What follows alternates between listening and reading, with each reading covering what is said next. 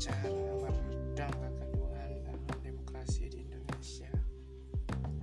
Ini dari dari sudut pandang saya pemerintah demokrasi sebagai sistem pemerintah yang mengizinkan dan memberi hak kebebasan kepada negaranya untuk berpendapat serta turut serta dalam mengambil keputusan di pemerintah.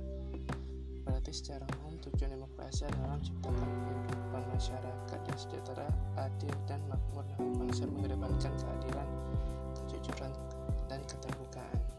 Nah, yang saya lihat, kalau misalnya salah, tolong merevisi. Kedua, dalam demokrasi yang ada di Indonesia yaitu kesalahpahaman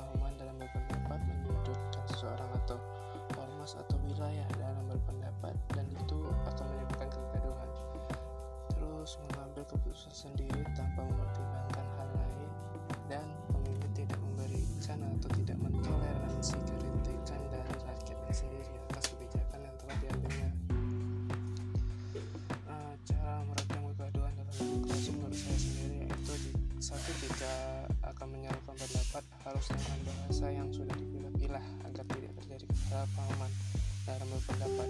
Jika bahasa yang kita keluarkan tidak menjadi bahasa yang kita keluarkan tidak menjadi orang yang akan menyerang kita balik nanti gitu atau dalam artian dipakai orang dipakai orang-orang yang ingin menimbulkan konflik dan kegaduhan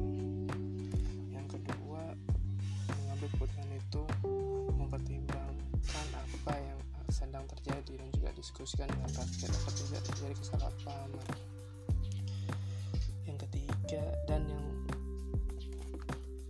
dan jika ada kritikan itu diterima bukan malah memusuhi yang mengkritik yang mengkritik juga pilih-pilih bahasa yang akan digunakan dan sertai data yang akurat agar kritikan